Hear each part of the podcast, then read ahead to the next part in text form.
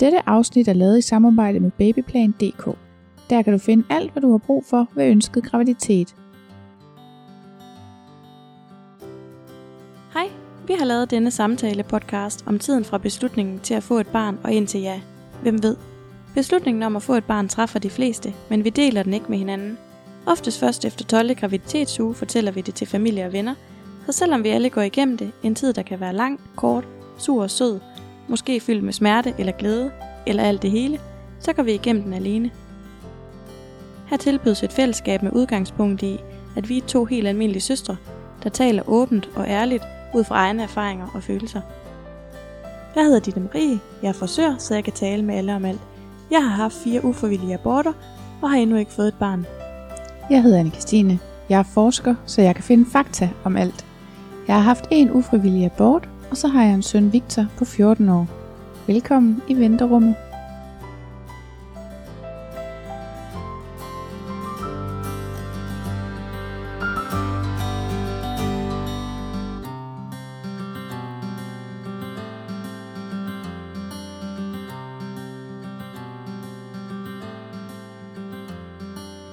Hej og velkommen i venterummet. Hej, velkommen til. Nu sidder vi her Mm. i storm og slud. Fordi venterummet skal ud. Det der med Nemlig. posten. Victors julegave var ikke kommet. Nej, der var også en af mine julegaver, der ikke var kommet. det er rigtigt, ja. Mm. Det her, det er vores sidste rigtige afsnit Ja, det er. af sæson 2. Mm. Vi håber på, at der kommer et bonusafsnit. Ja. Øhm, men ellers så er det ligesom det. Ja. Ja.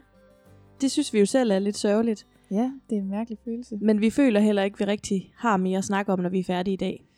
Nej, Så, i hvert fald ikke om det. Nej, Altså, det er jo ikke sådan, at hvis vi ringer til hinanden, så er der bare stillhed. nej, nej. Men det, som venterummet jo har handlet om hidtil, har jo været det der med at opnå graviditet. Ja. Øhm, og der har vi ligesom dækket de områder, vi føler, vi kan, mm. Når vi er færdige i dag. Ja, der er jo jeg. lidt i dag. Ja. Og øhm, jeg har jo spurgt på Instagram, hvad folk ligesom synes, vi skulle have med i det her følge op Mm. Afsnit. Og der er jo så nogle ting, vi kan tale om og gå ud fra. Øhm, og så øh, har jeg jo så bare sendt en masse screenshots til dig af det, folk har skrevet. Og så øh, ved jeg ikke, hvad du har med af forskning, men øh, lad os starte med det. Så man kan sige, altså dagen i dag er en stor brevkassedag, fordi at øh, Ja, det kunne man godt sige. ja. ja, vi taler ud fra det, som I har skrevet til os Ja. i det her, vi følger op afsnit. Ja. Godt. De forslag, du har sendt til mig, det er noget med ægdonation, og så er der noget med, hvor mange det aldrig lykkes for, og ægsortering, og graviditet og overvægt kombineret med fertilitetsbehandling. Så er der noget med svære følelser, adoption og fertilitetsbehandling og abort, og forskellige typer af abort. Mm. Og det kan jeg jo selvfølgelig ikke nå alt sammen. Nej. Så jeg gik ligesom med den, jeg tænkte, der vedrørte flest personer. Vores vej her i venterummet har jo også lidt været det der med det, der vedrører mange. Altså vi er ikke så meget gået ned ad de der små stier, som, hvor det kun er 1%, der bøvler med dit eller dat, ikke? Ja. Så jeg søgte på de svære følelser. Og jeg fandt øhm, fire artikler, hvor man kan sige, at den ene, det er egentlig... Øhm, det er egentlig lidt et andet tema, men jeg synes, den var så fin, at det, den, tog vi lige, den tog jeg lige med alligevel. Ja. I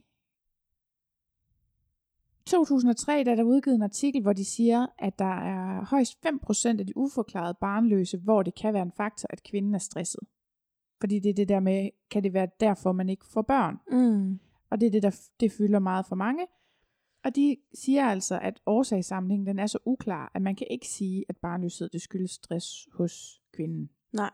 Og de der historier, der findes om, at man så opnår en spontan graviditet, lige efter man har adopteret, eller lige efter man har besluttet sig for, at man dropper at få børn, det er så få historier, at det ikke forklarer noget. Mm. Så man Mm. kan ikke gå ud fra det. det. Det er bare random events. Ja.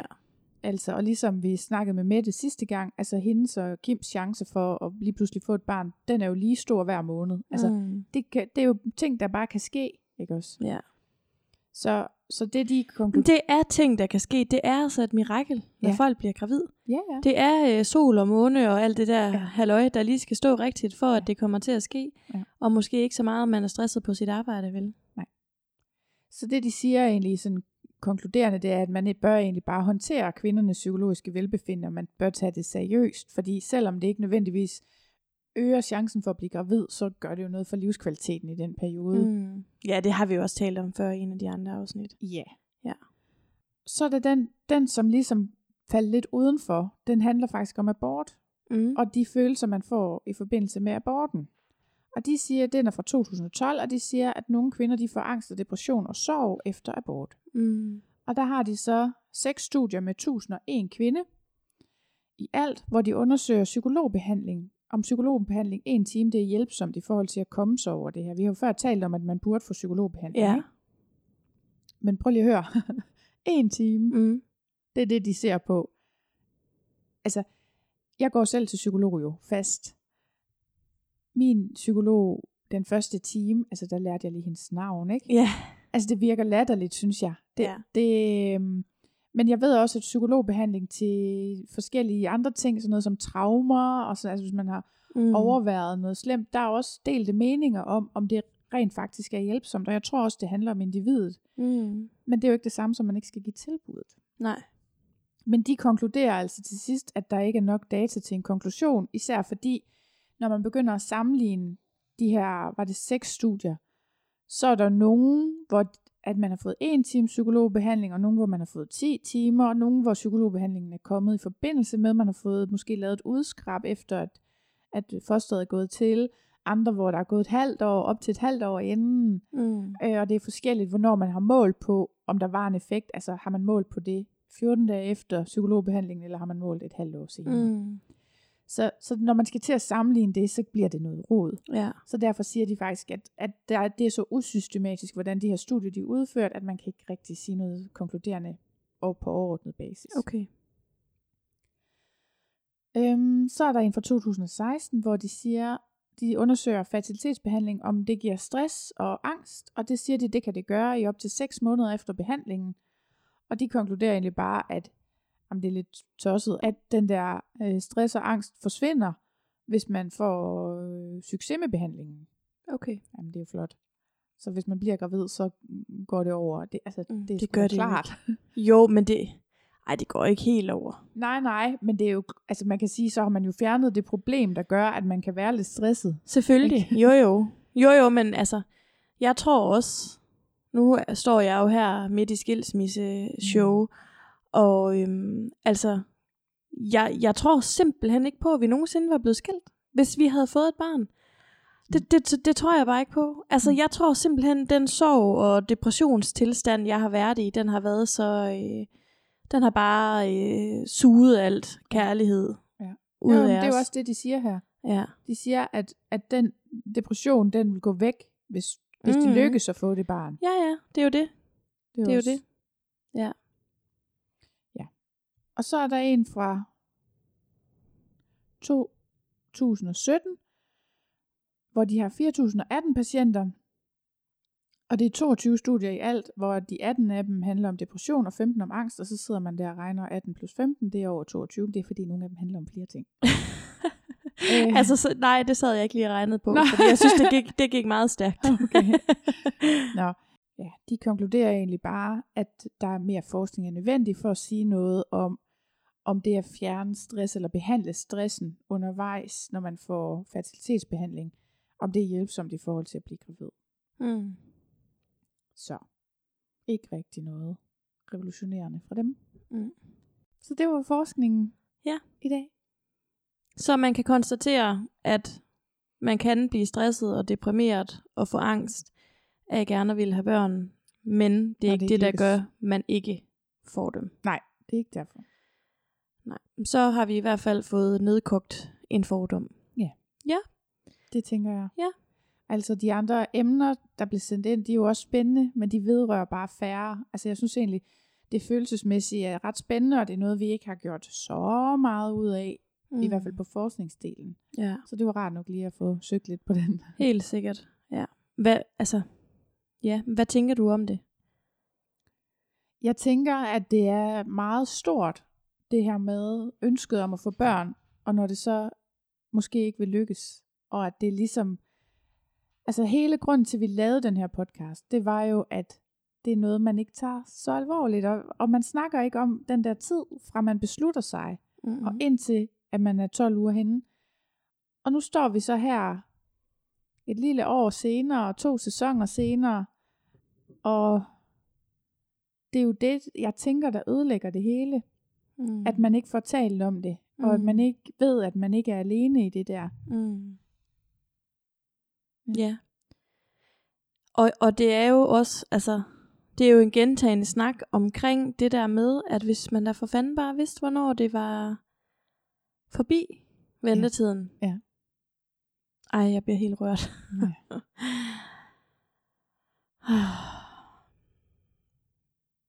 Det er ikke, øh, det er ikke så lejende let for alle Mm. at få de børn. Nej. Det er det ikke. Jeg håber jo, at vi skal lave en sæson, der handler om, når jeg får mit barn. Ja. men man kan Kan du fortælle, hvad du arbejder i? Jo, men jeg, jeg er jo i gang med at date et homopar. Mm. Øhm, og det går, det går godt. Ja. Øhm, vi snakker om, og altså vi, i går øh, har vi, hvad kan man ligesom sige, haft sådan et helt schema, vi har taget udgangspunkt i, og taget Mhm. mm. slavisk som, hvad for nogle værdier vi har, og hvad med opdragelse, og skal barnet Mhm. døbes og konfirmeres, og hvem skal betale for hvad, og økonomi i det, Mhm. og det er, øhm, det er meget spændende. Ja. og det er også det, jeg vil, og det er også det, jeg kommer til at gøre. Øhm, og så tænker jeg sådan på den ene side, sådan, ej, så skal vi også bare i gang. Og på den anden side tænker jeg, åh nej, det kan jeg slet ikke magt. Øhm, men det, jeg ikke kan magt i virkeligheden, det er jo ventetiden. Mm. Igen. Ja. Jeg skal starte helt forfra hver måned med det stress. Det har faktisk, altså det har faktisk lidt været en lettelse det sidste Mm. halvår, hvor mig og dit Mike har, Ja. har prøvet, øhm, eller over er det jo næsten ikke. Ja. Øhm, altså, det der testoman-show har virkelig Ja. været modbydeligt hårdt. Ja. Og øhm, altså, jeg, var for, jeg har ikke engang haft sex, og jeg var forsinket den anden dag.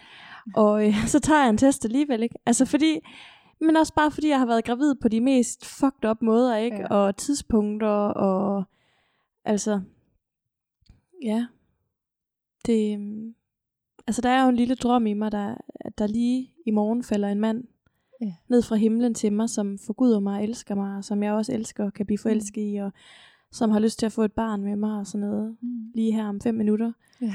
Øhm, men jeg tror bare, at øh, det tror jeg ikke kommer til at ske, og jeg har heller ikke lyst til, at, at der er en anden mand, der ligesom skal have den magt over mig Nej. igen. Altså fordi jeg har jo i virkeligheden prøvet at få børn, både med dit og med min, med min ekskæreste. Mm. Det var godt nok i meget kort tid.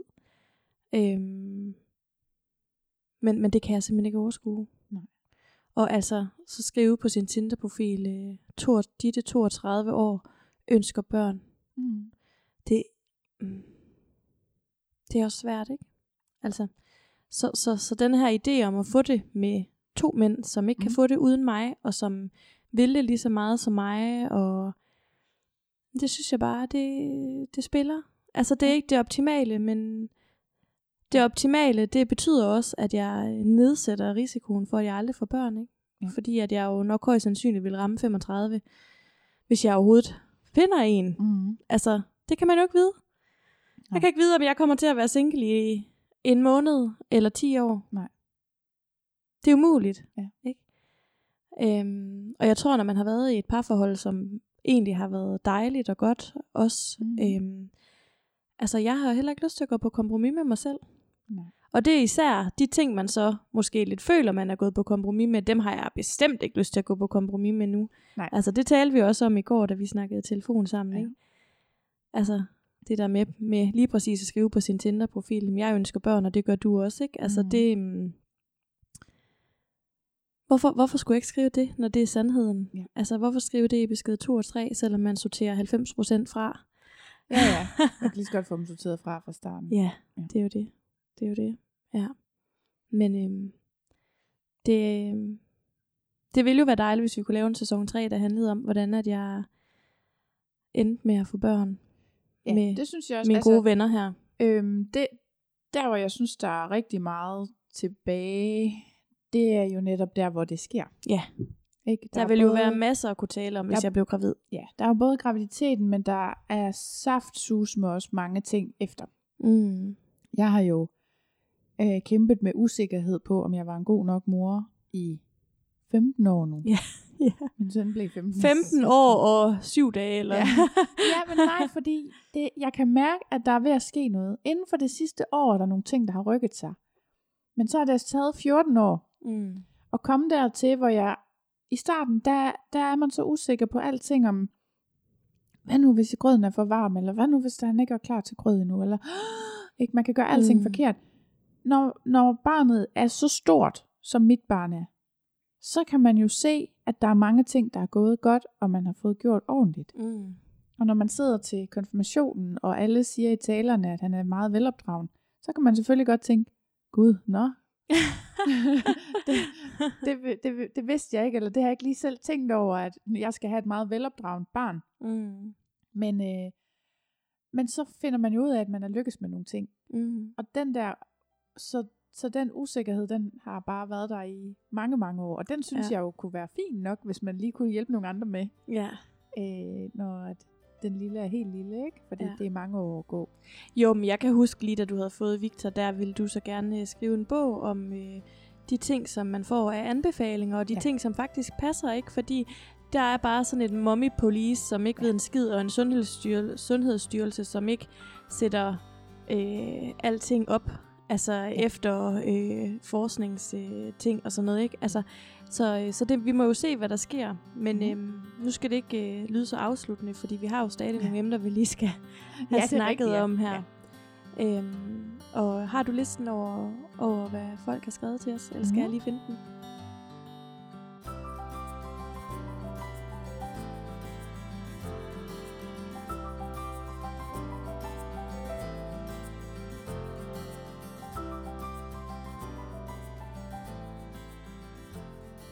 Der er en, der har skrevet noget om jalousi, for eksempel på søstre og veninder. Mm. Det er også en værre en. Ja. Det kunne vi jo faktisk nærmest have lavet et helt afsnit til. Det kunne vi, og det har vi også snakket om. Den har mm. været på vores liste over noget, der kunne komme i sæson 3, hvis det var. Ja. Og det var faktisk også lidt... Jeg har faktisk en veninde, der foreslog det, fordi hun har selv mistet en veninde, som ikke kunne få børn, fordi hun, da hun selv fik børn. Mm. Og det ved jeg, det har gjort mega, mega ondt, ikke? Ja. Og det perspektiv er jo også en del af det. Mm. At det må også være forfærdeligt at være den, der får børnene, men som mister vennerne. Ikke? Ja. ikke fordi det er da klart mere ensomt at være den, der både mister vennerne og ikke, ikke lykkes med at få nogle børn. Men. Mm. men af, goddag. Jamen, og jeg kan især mærke det lige nu. Og nu skal jeg sidde her til nytår. Og ikke have noget barn. Mm. Og ikke at være gravid. Og nu Mm. har jeg heller ikke nogen mand. Ja. Den følelse, jeg får inde i af det, den er så grim. Ja. Øhm, og jeg vil ønske, at jeg ikke havde den. Mm. Jeg er bare ked af det, som jeg ikke selv har. Ja. Altså, kan man sige det sådan? Jamen det tænker jeg godt, man kan. Altså det kender jeg jo også fra mit eget liv, at de der ting, man ikke er lykkes med, eller som ikke er blevet sådan, som man vil have dem. Altså jeg bor jo også alene med Victor, eller man er jo ikke alene, når man bor sammen. Du har også to hunde og en kat. Ja, ikke sige, jeg har to. I virkeligheden har jeg en hund, så har jeg en hund, jeg passer. Nej, jo, det har du ikke. jo. Du passer ham ikke. Du har sagt, høre, du vil jeg have finder ham for aldrig evigt. en mand. Jeg finder aldrig en mand, hvis det bliver officielt, at jeg har to hunde og en kat. Du har selv sagt ja til det. Nå, men der er heldigvis ingen mænd, der hører den her podcast. jo da. Jamen ikke nogen, der er... Interesseret i dig. Nej. Så det... Det kommer vi over. Nå. Men... Men de der ting i livet, som ikke gik sådan, som man gerne ville have, altså, det, det bliver jo ved med at være en sorg, og sådan mm. er det jo Mm. bare. Ja. Men man lærer jo selvfølgelig at leve med det hen ad vejen, ikke? Ja, og så handler det vel også om, altså, jeg har jo de sidste mange år taget en beslutning om, og ikke at bruge al min energi og tid på det, fordi ja. Ja.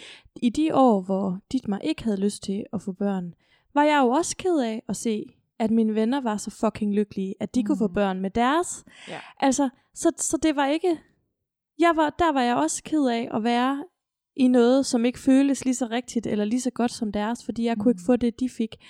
Og hvis jeg skulle gå hele tiden og føle uretfærdighed over det, så kunne jeg ikke gå nogen vejene. Nej. Øhm, og altså det sjove er nok, at jeg på Instagram for eksempel, har lidt svært ved at følge øh, nogen, Mm. som så bliver gravide, som jeg ikke kender. Altså ja. kendte mennesker. Ja. Lige nu er der nogle musikere, øh, som er blevet gravide, Mm. øh, som jeg følger, og jeg, jeg bliver nødt til at gå ind og slukke for det, fordi jeg har ikke brug for at se det hele tiden. Mm. Men folk, som jeg kender, og jeg elsker, og mine tætte venner, der er jeg ovenud lykkelig. Og det er jeg Mm. selvfølgelig på alles vegne, fordi der er ingen, der fortjener at skal igennem det her, jeg er igennem. Nej. Men derfor vil jeg heller ikke sidde her og se mig for god til at, øhm, og ikke sige, at jeg ikke får sådan en nederlagsfølelse, eller Mm. altså, jeg er måske ikke jaloux på dem, jeg er måske mere bare ked af min egen omstændighed. Ja. Øhm, men jeg prøver også at være positiv, og jeg har også besluttet mig for, at jeg gider ikke at gå og være træt og ked af det her. Jeg gider at prøve at bruge min energi på at komme videre og få de her børn med nogen, der vil have de her børn med mig. Øhm, og så vil jeg også leve imens. Ja. Altså fordi jeg har brugt halvandet år efter den hårdeste abort Mm. øhm, på at, at være alt for meget i sorg. Altså, jeg tror det er rigtigt, at sorgen vil være i mig og bo i mig altid. Jeg har trods alt mistet fire børn. Mm. Øhm, altså, det føler jeg, jeg har. Mm. Og, og det er der ikke nogen, der skal tage fra mig. Nej. Øhm, men hvis jeg skal gå og tænke på det hele tiden, mm, så, altså, Jo, jo, men så bliver man jo bare depressiv. så bliver jeg jo et op af det. Ja. Ikke også? Øhm, så, og, men altså, men jeg, jeg, jeg tror og ved, at der er mange, der, der har det på samme måde, men som også har så dyb en jalousi, at de mm. Ikke kan være i det. Øhm, ikke kan se deres søskende Ja. eller bedste veninder, mens de er, er gravide. Øhm, og, og det må simpelthen være så hårdt, og, og der vil, altså, der vil jeg virkelig anbefale, at man prøver at tale med en professionel om det. Ja. Fordi jeg tror, at hvis man lader det æde en op, så står man bare tilbage alene. Altså det begrænser jo ens liv rigtig meget. Altså Ja. ligesom hvis jeg ikke kunne have veninder, der var i parforhold, så Ja. ville jeg jo også være meget begrænset. Ikke? Ja. Altså, Det er jo der har det. jo været tider, hvor det har været svært, og jeg kan også godt se, at mit perspektiv på parforholdet er anderledes end mine veninders, som har, hvis de har levet mange år i et parforhold, og jeg er jo, jeg har jo næsten været single hele mit voksenliv, ikke? Mm. Men, men man kan jo godt have anderledes perspektiver, og stadigvæk diskutere ting, og sådan få noget ud af hinanden. Mm. Det behøver jo ikke at være sådan, at man lever et helt ens liv, for at man kan være veninder, vel? Nej. Nej, så handler det jo også om, at, at man måske, hvis man så har en veninde, som er gravid og mega excited, at man husker at lytte til det, Mm. og prøver at, at være glad på hendes vegne, men man samtidig også husker at sige fra, hvis det bliver for meget, siger, prøv ja. at høre, jeg er så glad på dine vegne, og jeg vil rigtig gerne være veninder med dig, men jeg har også brug for, at vi taler om noget andet. Ja. Så har du ikke lyst til, at vi går i biografen og ser en film sammen? Ja. Kunne være en mulighed. Ja, ja. Ikke? ja. Så, sidder det ikke, så handler det ikke kun om at øh, sidde og høre om baby og babytøj, og mm-hmm. nu skal Mhm. vi ud og købe en barnevogn, og hvad for en skal vi vælge? Fordi, øhm, altså det synes jeg er spændende, men jeg er sikker på, at der er nogen, som vil synes, det er helt vildt drænende. Ikke? Jo, jo, men når jeg tænker, man er jo nødt til, hvis man skal være veninder, så er man nødt til at være en del af hinandens liv. Så er man nødt til at høre noget om det. Ja. Men man behøver måske ikke at have, hvis man ses i fire timer, at man så i tre timer og tre kvarter kun kan snakke om baby og barnevogn. Så Mm-mm. bliver det måske lidt meget. ja. Så på den måde kan man måske forsøge at dosere det lidt. Altså. Mm. Ja, jeg tror ikke, man skal være så bange for at tage den her dialog. Altså, Nej. det er jo venner, vi taler om. Mm. Øhm, Det har jeg altså også haft veninder, der har sagt til mig nogle gange, kan vi snakke om noget andet end mænd? ja, men det er jo lidt det samme. det er det samme. Det er det samme. Altså det tænker jeg da også. Altså øh, man gider heller ikke kun at høre om folks single liv, vel? Hvis nej, man har den der veninde, der hele tiden øh, skriver til hende, ej nu siger han det, hvad tror du, det Ja, betyder? hvad tror du, han mener? Åh, oh, Gud. Kan vi gætte på, at han mener det, han siger? ja. ja det tog nogle år. Og ja, sådan er det. Ja. Men i hvert fald, altså man skal gøre alt, hvad man kan for at passe på sig selv Mm. I det her. Og øhm, jeg har det godt og fint med, hvor jeg er lige nu egentlig. Og synes også, at der sker en masse nyt og spændende. Og jeg er ikke mega knust og sådan Mm. Øhm, men det er klart, at der kommer også til at være nogle ting, der skal bearbejdes for mig. Ikke? Ja. Altså, den der familiedrøm, den er, den er knust og præst. Ja, men det har jeg jo selv været igennem. Mm. Mm. Og det er, det er rigtig sejt at skulle acceptere, at, øh, at den del ikke blev sådan, som man havde drømt om. Mm. Ja. Ja. Og det er jo, om man er skilt eller ej, men at man bare sidder, hvis man sidder og lader livet køre forbi, og man er alene i sine tanker, og der sker ikke noget, og Mm. Øhm, faktisk har jeg en, en kunde, som har prøvet i en del år efterhånden, og manden heller ikke helt har haft lyst til at gå med på fertilitetsbehandling og så videre, Mm. og de har så fået de der inseminationer, de skulle have, og øhm, sidst hun kommer ind i salongen, så er hun blevet gravid Mm. med første ægudtagning Ja. og opsætning, og altså, det er jo bare lykken, Ja. Altså, og, og det er det, man skal huske på. Altså, man bliver nødt til at tro på det, men mm. også prøve at have det godt Ja. i det. Og jalousien er også helt okay. Altså, Ja. der er jo en grund til, at man kan føle jalousi. Ja, ja. Men det må jo være, altså der må man finde en eller anden måde at kunne være i det på, ikke? Altså jeg synes jo for eksempel Mettes tip fra sidste gang med, at folk de siger det til hende, når de går i gang med at prøve, og så i øvrigt giver besked om, at når det lykkes via sms. Mm. Fordi jeg tænker, det er jo præcis det samme. Man kan godt, man kan sagtens være glad på andres vegne, og stadigvæk være ked af det på sin egen, ikke? Det er jo det. Og det, det kræver så bare, at man har en håndteringsstrategi, og det er fint, når man så har fundet sådan en. Så kan man sige, hvad man har brug for, og så tænker jeg, så kan livet gå videre for alle parter, ikke? Mm. Ja, bestemt. Altså, der er en, der har skrevet noget med eksortering, og den proces som, til os, som har et barn med genfejl, hvor man ikke vil føre det videre til næste barn. Ja. Det er ikke noget, jeg ved frygtelig meget om, og jeg har ikke lavet en søgning på det, for jeg tænker, det er ikke sådan, det er ikke sådan noget, der vedrører rigtig mange. Men jeg kender faktisk en, der har fået lavet sådan en eksortering der, og det er jo ikke, det er jo bare, hvis begge forældre bærer et eller andet gen, der så Mm. i barnet, så er der jo en vis risiko for, at, at øh, det slår igennem som genfejl. Så skal man have lavet eksortering, fordi der kan man tjekke generne. Det er jo lige præcis det, jeg venter svar på, kan man sige. Eksortering. Nej, jeg venter svar på at se, om mig og Dietmar har haft en kromosomfejl, Nå, ja, en fælles Ja. kromosomfejl, ja, ja der, har gør, gjort. at jeg måske Ja. skal have eksortering. Ja. Ja. Og så, men det vil så vel kun være med dit mar, eller hvad? At du skulle have lavet eksortering. Det ved jeg jo ikke. Det kommer an på, om jeg bærer et eller andet kromosom. Det kan man jo ikke vide. Jeg ved det ikke, fordi jeg venter jo bare svar på ja, det. ja, ja, ja. Øhm, men der kan man så få lavet en sortering, så man ikke får et barn med den samme genfejl. Mm. Men man kan ikke, jeg tror, i Danmark kan man ikke så sige, "Nå, så skal det være en pige, eller så skal det være en dreng, eller... Ej, lovmæssigt tror jeg ikke, man Nej, kan få lov det, til det. det synes jeg, man kan. Jeg har hørt om i andre lande, kan du ikke huske, der var sådan en i masser af monopolet? Nå, det, det ved jeg ikke, men jeg ved, at Chrissy Teigen og Johnny Legend, de valgte deres første barn skulle være en pige, så vidt jeg husker. Og det første barn, så får Ja. ja. lavet eksortering på første Ja. barn. Ja.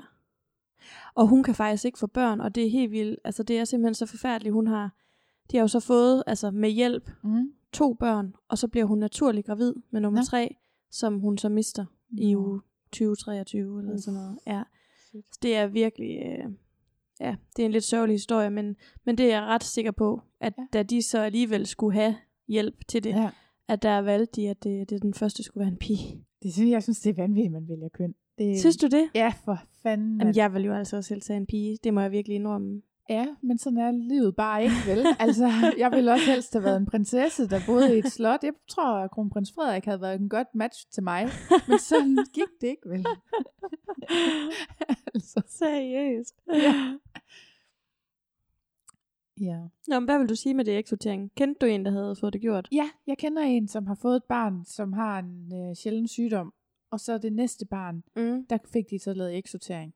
Okay. Og hun har jo været igennem det samme, og netop fordi hun ikke har nogen fertilitetsproblemer, så fik hun også lavet frygtelig mange æg. Og de har nemlig også nogle liggende over i fryseren. Mm. Og det er sådan en, skulle man få en tødt op? Ja. ja. ja, det er lidt, det, er sådan, det må være en mærkelig situation, at man mm. har befrugtet æg liggende, ikke? Ja. I æggebakken.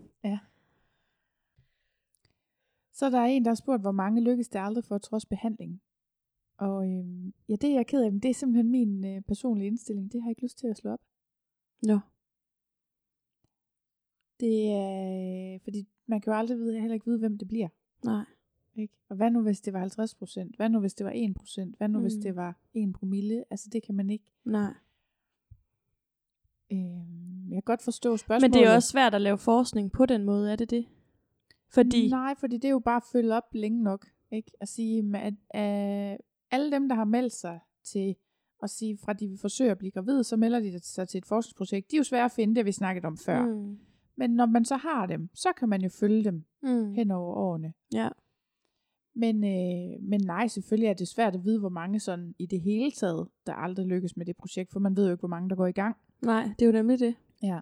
Og det er jo altså ikke alle, der går i fertilitetsbehandling. Nej. Og der er jo også nogen, hvor det så, øh, så skifter de partner, og så sker der noget der. Ja. Ej, jeg havde en veninde engang, som, hvor det var sådan lidt, de havde prøvet længe, Mm. og jeg ved bare, hun havde en affære. Ej, Og jeg ved ikke, om hun beskyttede sig i den affære, men hun har fået et barn. hun blev i hvert fald lige pludselig gravid, ikke? Seriøst? Ja. Ja. Er det en, du stadig er veninder med? Nej. det må vi lige tale om bagefter. det er for vildt. Og det er så vildt, men der mener jeg, at man siger, at hver tiende ikke ved. Ja, Eller er det hver tyvende, man ikke, der Nej, ikke ved? det er hver tiende. Det er fandme også mange. Ja, Fuck, det er det er mange. to i hver folkeskoleklasse, ikke? Eller tre. Som ikke har den rigtige far. Ja. Det giver jo ingen mening. Altså, jeg tror simpelthen ikke på det. Jeg synes også, det lyder Tror du virkelig på det? mange. Vi har Mm. kendt en i vores liv. Hvem er det? Jo, vores gamle nabo. Jeg vil ikke lige nævne navnet her. Nå! Det var noget med, da hun skulle konfirmeres. Ja, så fik hun det at vide. ja. Men der vidste faren det jo godt. Ja, faren vidste det godt. Den, den ikke-biologiske far vidste jo godt, at han ikke var biologisk far. Ja, ja. Jeg synes, det er jo noget Men andet, barnet der hvor det. man går ud og laver en med postbuddet, ikke? Ja. Men tænk, man kan holde det hemmeligt i så mange år. Det er jo helt grotesk, Jamen, altså. det er det, ikke? Også fordi, at man ved bare, hvor mange... Altså, det er jo igen sådan en rigtig masse af monopolet dilemma, at der er en, der skriver ind, nu er min far død, og jeg har altid følt øh, mig anderledes, og jeg ligner Ja. ja. ikke mine søskende. Øh, skal jeg konfrontere min mor? Ja. Eller søskende, der skriver ind, jeg tror ikke, min bror er min rigtige bror. ikke? Altså, det Ja. er jo bare sådan... Jamen, jeg ved ikke. Men kan du ikke huske, da Julia, hun havde en... Øh... Nå ja, vores lille søster, hun, hun, da hun gik i gymnasiet, så skulle de lave sådan en blod, blodtest, hvad for en blodtype de var. Og den blodtype, hun var, den passede overhovedet ikke med, at hun kunne være hendes forældres. Far, fars datter. Ej. Ja, det er også lidt skræmmende, men Ja. det, det, det tror jeg nu, hun er. Jeg tænker også, at det, det må være en lille fejl i den der, det der blodprøvekit. Ja. Jeg er jo altid blevet kaldt Dex Dexter. Ja. Søn. Nej. Ja. Nej, jeg er blevet kaldt Dex Dexters datter. Ja. Så Dex Dexter er min far. Jeg ved ikke engang selv hvem, rigtig, hvem han er, men det er noget fra et eller andet øh, tv-show. Ja, Dallas, ja. Ja.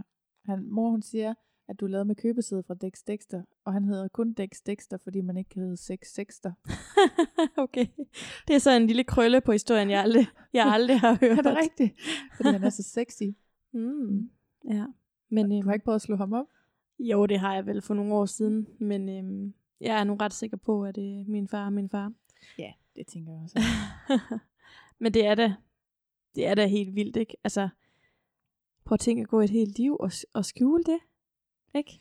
Tror du, man bilder sig selv det så meget ind, at ja, det man, tror jeg. Det tror jeg. man til sidst ikke Ja. ja. tror det? For jeg har faktisk lige set en serie øh, på Viaplay, der hedder Elsk mig, sådan en svensk serie, Mm. og den handler lige præcis om en mand, der prøver at få et barn med en kvinde, og, øh, og så får han bare at vide, at hans sædkvalitet er så dårlig, han har, at han har været steril hele hans liv. Mm. Øh, men han har altså et barn på 15. Ja. Og øh, så går han jo så til moren og får lavet en DNA-test, og det er selvfølgelig ikke hans barn. Og det er jo så, fordi hun har været så forelsket i ham i alle de år, Ja. at hun har lovet om det, ikke? Ja. Og det er jo også sådan en ongoing, jeg er gravid, øh, hvis man har vil holde på nogen, ikke? Mm. Altså, det er jo sådan noget, der man har Nå, hørt, Gud, nå. at folk de siger, de tror med, om jeg er altså gravid, ikke? Og så Gud, skal de nå. jo skynde sig at gå ud og blive gravid med hinanden, for at, holde på den der mands person, eller ja, jeg Ej, ved okay, det ikke. der aldrig tænkt over. Det synes jeg, at man har set og hørt, både dokumentarer og Nå. tv-programmer. Ja. Sørgeligt, sørgeligt. Ja. Ja, der er jo en, der har skrevet, at vi skulle tale om adoption. Ja.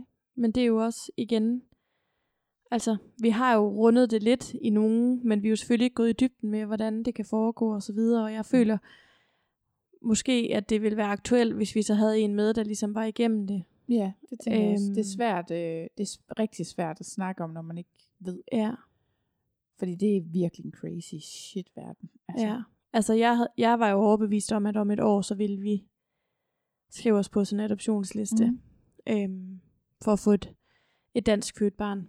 Men øhm, ja, det...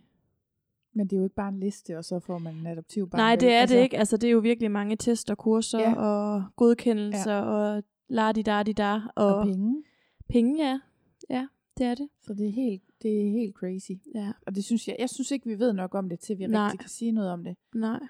Altså, jeg har en veninde, der var igennem det for nogle år siden, og, øh, og jeg tænker bare, ja, altså, jeg ved virkelig for lidt om det, til mm. at jeg Mm. kan, kan Ja. udtale mig. Men jeg tror, altså man kan jo gå ind og læse øh, Pelle Venegårds Ja. ja. øh, bog, Zoe Okuna, altså kæmpe anbefaling herfra. Den, øh, den tager jo i hvert fald en med i rejsen, mm. og den kan man også høre som lydbog. Så, så kan vi jo anbefale den. Så er der fertilitetsbehandling og abort, og det er jo to emner, vi har behandlet hver for sig, men ikke sammen. Mm.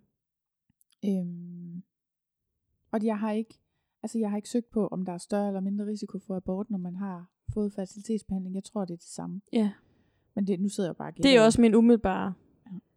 Ja. Men det er selvfølgelig forfærdeligt, når man har skulle alt muligt igennem, og så er der endelig en positiv, hvis det har været svært at få en positiv graviditetstest, så lige pludselig så er der gud hjælp med også en abort, ikke? Mm. Men det er to emner, vi har behandlet hver for sig. Jeg kan godt se meningen med at behandle dem sammen, men det har vi altså ikke gjort. Nej.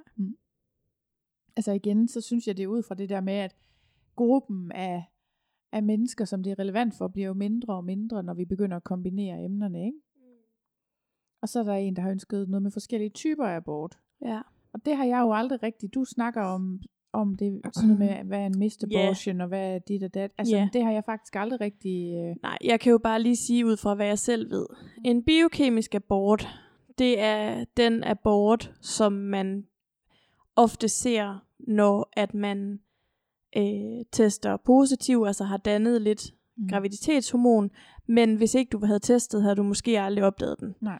Øhm, så den når ikke at udvikle sig til at blive sådan en graviditetsgraviditet. Er det dem før, man er gået over tid egentlig? Altså på dem på tidlig test? Nej, men jeg tror godt, at det er op til uge 6 eller sådan Nå, noget, okay. forestiller jeg mig. Men altså, det er, det er hvor udviklingen ligesom ikke er der, men ho- Ja. hormonet er der. Ja. Ikke?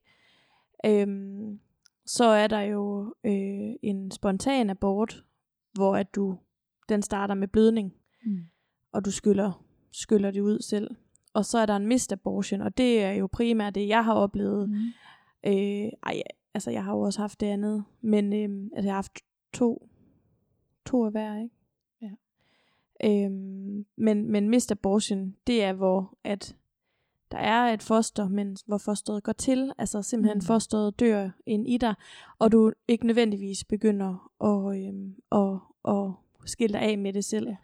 Ja. Øhm, og det er jo det, der skete for mig der i sidste år, nej, forrige år, og jamen, det er så længe siden nu, forrige år Ja. og her i, i foråret i år. Øhm, altså hvor at Mm. der var noget at se, men, men kroppen ikke ligesom selv havde gået af med det. Ja. Og det man jo så kan sige, når det er en missed abortion, så er det måske nogle gange bare et spørgsmål om tid, så vil kroppen jo. Ja, gå af med det. nok, Ja. Og hvis det var sket for 100 år siden eller 200 år siden, jamen så kunne det jo blive rigtig farligt, Ja. fordi der kan jo gå infektion, hvis du Ja. har sådan et foster liggende inde i dig.